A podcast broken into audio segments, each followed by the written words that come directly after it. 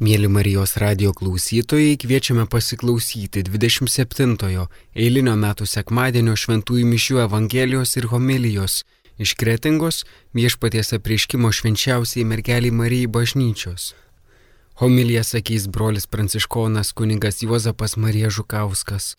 Antroje laidos dalyje girdėsime popiežiaus pranciškaus katechezę iš ciklo Tikėjimo metų katechezės. Skaitys kuningas Aivaras Jurgilas.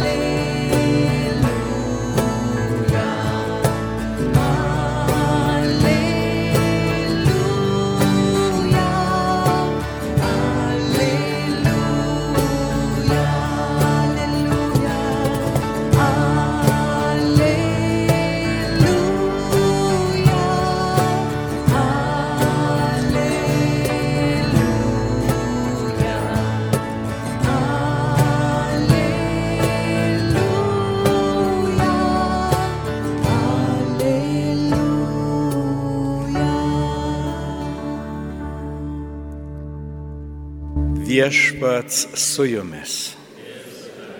Pasiklausykite Šventojios Evangelijos pagal Morkų. Atėjo fariziejų, kurie spesdami Jėzui pinklės klausė jį, ar galima atleisti žmoną. O jis atsakė jiems, o ką jums yra įsakęs Moze? Jie tarė, Moze leido parašyti skirybų raštą ir atleisti. Tuomet Jėzus prabilo. Dėl jūsų širdies kietumo parašė jums Mozė tokį nuostatą. O nuo sutverimo pradžios Dievas juos kaip vyrą ir moterį sukūrė. Štai kodėl vyras paliks savo tėvą ir motiną ir glausis prie žmonos. Ir du taps vienu kūnu. Taigi jie jau nebedu, o vienas kūnas. Todėl, ką Dievas sujungė, žmogus ten neišskiria. Namie mokiniai vėl klausė Jėzu apie tą dalyką. Jis atsakė, kas atleidžia savo žmoną ir veda kitą, tas nusikalsta pirmąjai svetimavimu. Ir jei moteris palieka savo vyrą ir išteka už kito, jis svetimauja. Jam nešė vaikučius, kad juos palitėtų, bet mokiniai jiems draudė. Tai pamatęs Jėzus užsirūstino ir tarė, leiskite mažutėliams ateiti pas mane ir netrukdykite, nes tokių yra Dievo karalystė. Iš tiesų sakau jums, kas nepriima Dievo karalystės kaip vaikas, neįeis į ją. Ir jis laimino juos, apkabindamas ir dėdamas ant jų rankas. Girdėjote viešpaties žodį. Evangelijos žodžiai ten naikina mūsų klaidas.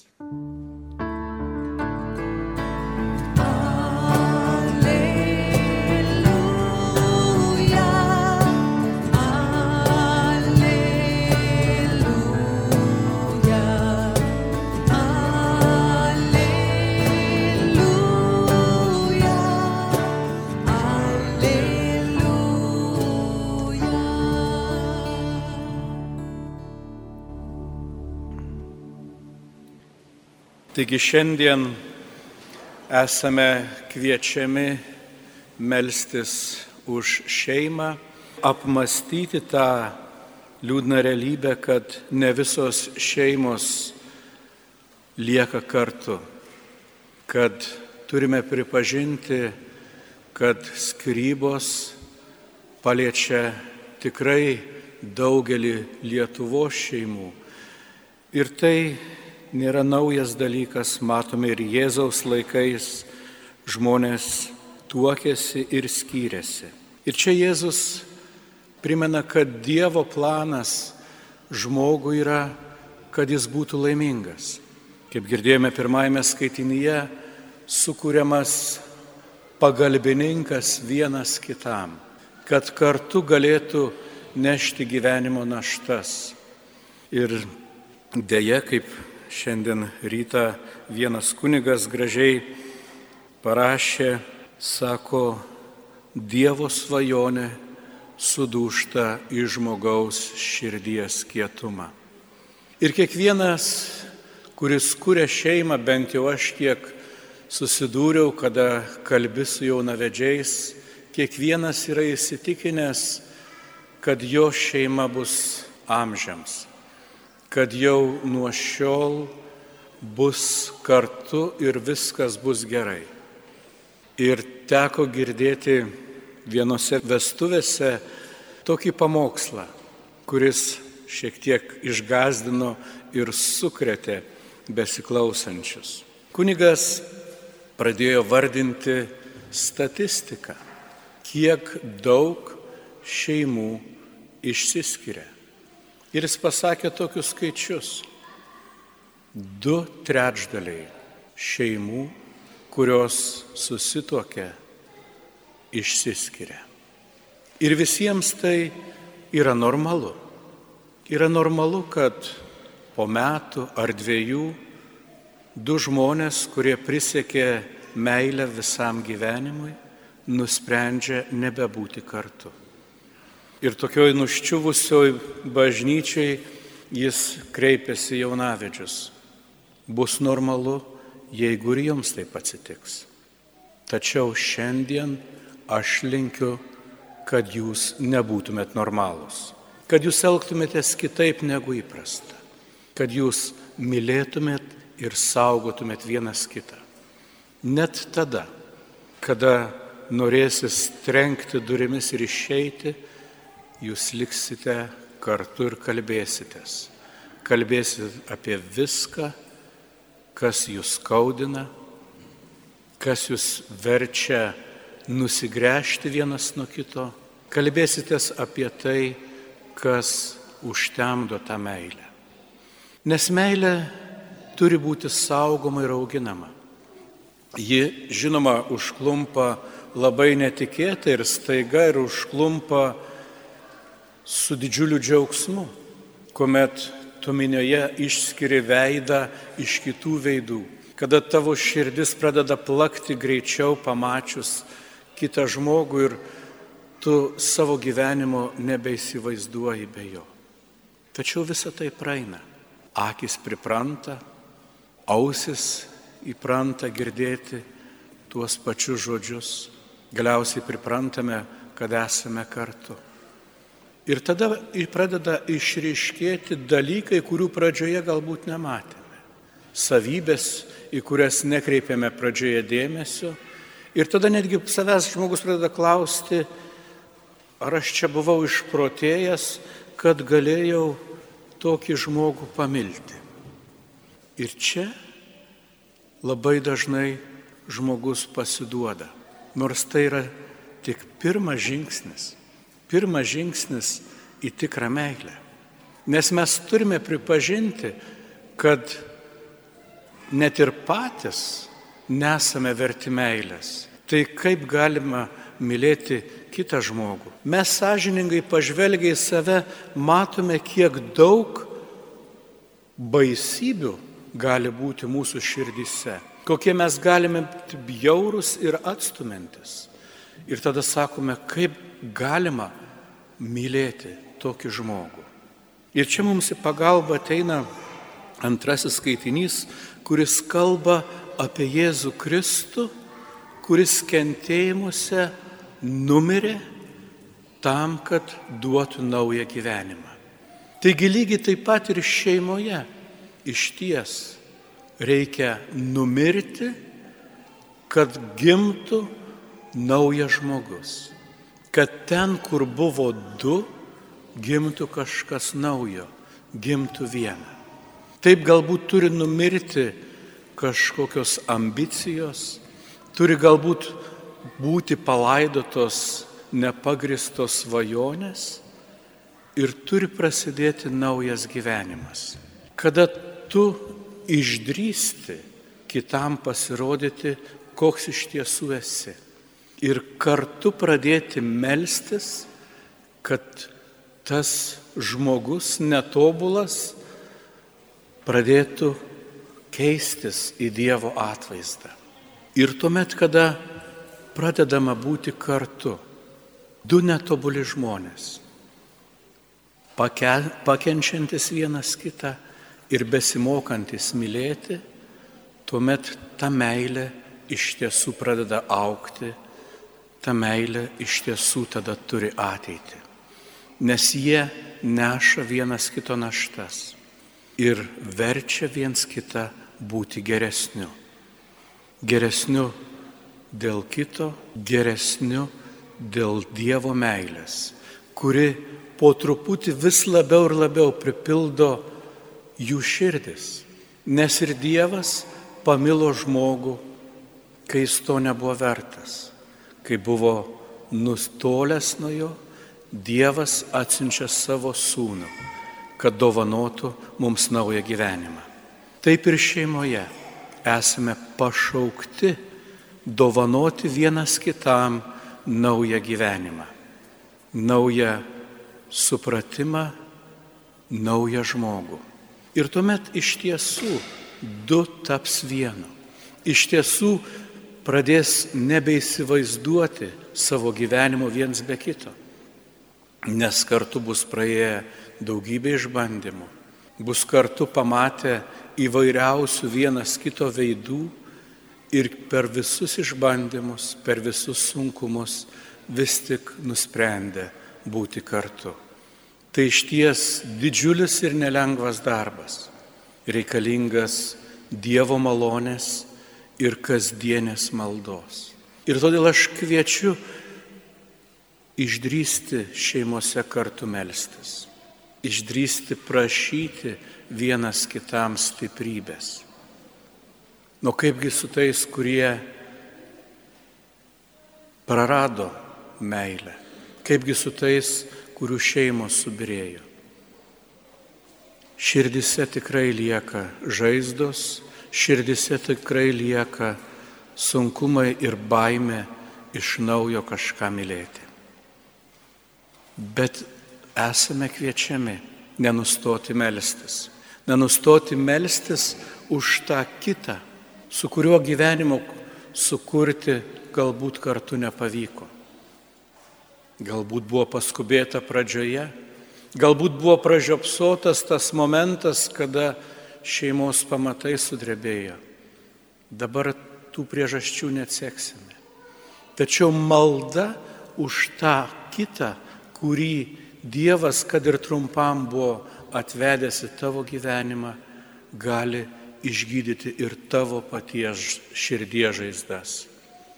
Nes jeigu liks pyktis, pagėža ar neapykanta, tuomet mes patys niekada nebeišmoksime mylėti, mes patys niekada nebetrasime gyvenimo džiaugsmo.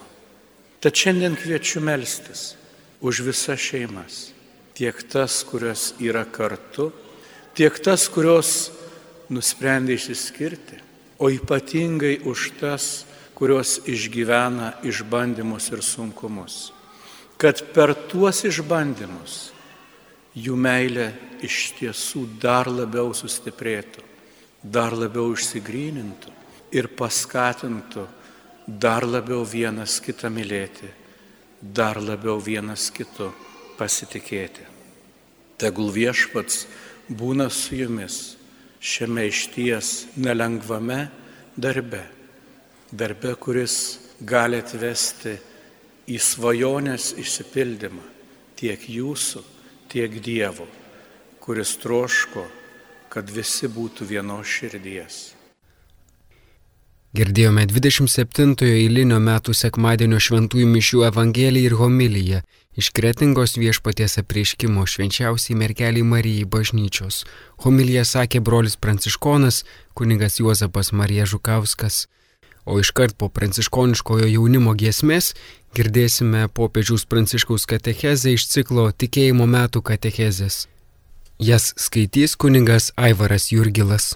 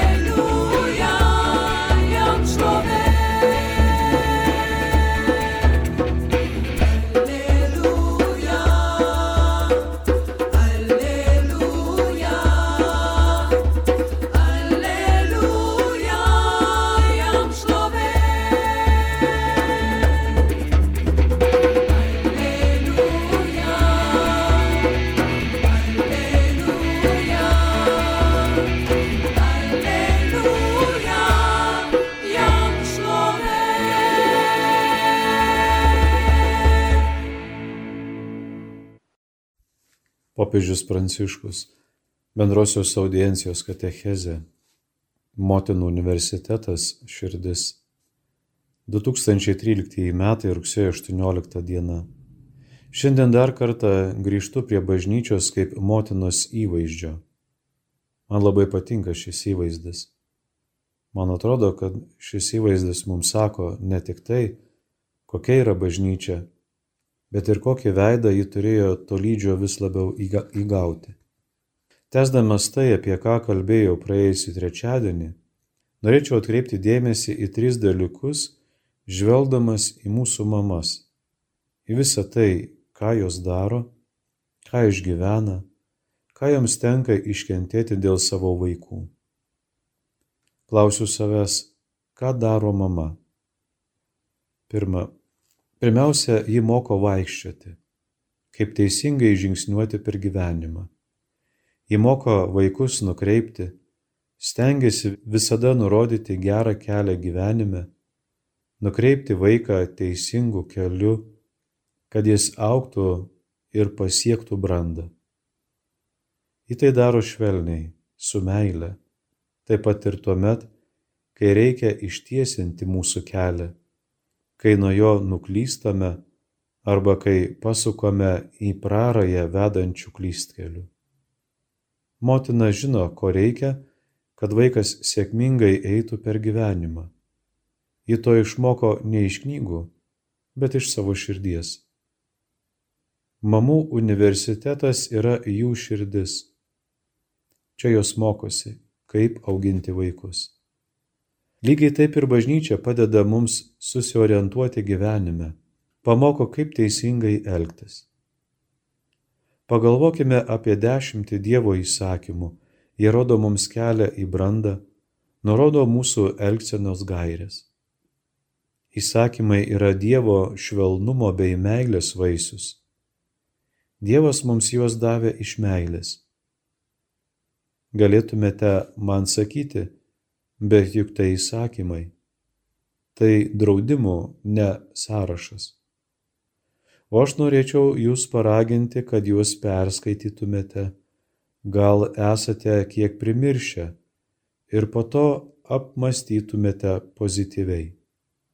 Pamatysite, jie kalba apie mūsų santykį su Dievu, su mumis pačiais ir su kitais žmonėmis Jie moko lygiai to paties, ko ir mama norėdama, kad gerai gyventume. Jie mus ragina negarbinti medžiaginių stabų, kurie mus vėliau pavergia, atsiminti Dievą, gerbti savo tėvus. Jie ragina, kad būtume sažiningi, gerbtume kitus žmonės.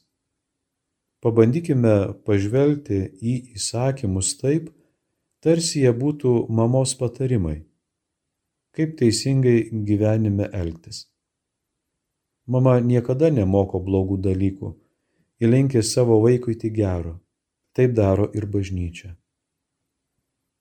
Antra, norėčiau pridurti ir antrą dalyką, kai vaikas užauga, subręsta, renkasi savo kelią, prisima atsakomybę, keliauja savarankiškai, daro tai, ką nori ir kartais pasitaiko nukrypimų nuo kelio, avarijų. Mama visada kiekvienoje situacijoje kantriai lydė savo vaikus. Jie vedama meilės jėgos. Mama moka diskretiškai, su meilė stebėti savo vaikų kelią, net kai jie klysta. Ji visuomet moka juos suprasti, būti arti jų, jiems padėti. Savo gimtinėje mes sakome, jog mama moka dar la karą. Ką tai reiškia?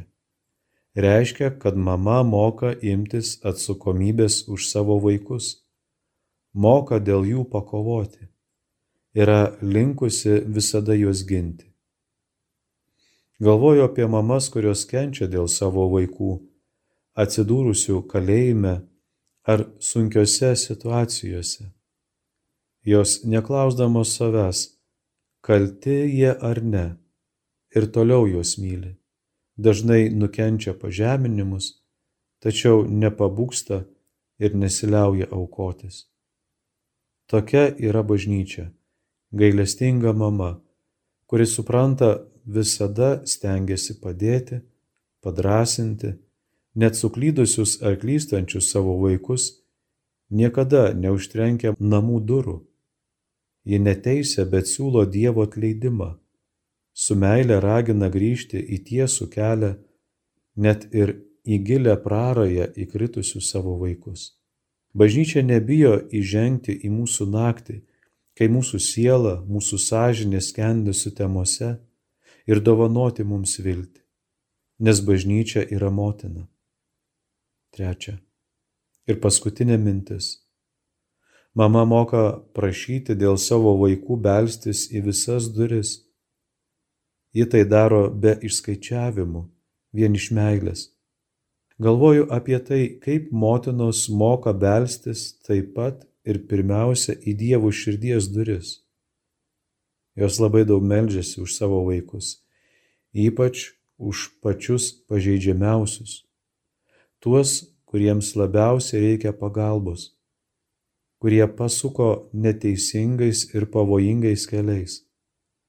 Prieš kelias savaitės aukojau mišes Romos Švento Augustino bažnyčioje, kurioje saugomos jo motinos šventosios motinos relikvijos.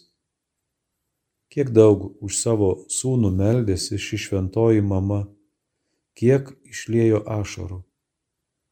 Galvoju apie jūs, brangiosios mamos, kiek jūs melžiatės už savo vaikus nepaliaudamos. Melskitės ir toliau. Patikėkite savo vaikus Dievui. Jo širdis didelė belskitės į Dievo širdies duris, besimelsdamas už savo vaikus. Lygiai taip pat elgės ir bažnyčia. Per maldą sudeda į viešpaties rankas visas savo vaikų situacijas. Pasitikėkime motinos bažnyčios maldos gale. Viešpats nelieka ją abejingas. Viešpats sugeba mus nustebinti net ir tuomet, kai visiškai to nesitikime. Motina bažnyčia tai žino. Šiomis mintimis šiandien norėjau su jumis pasidalyti. Bažnyčia kaip ta geroji mama, kuri rodo mums gyvenimo kelią, visada moka būti kantri, gailestinga, supratinga, kuri moka mus atiduoti į Dievo rankas.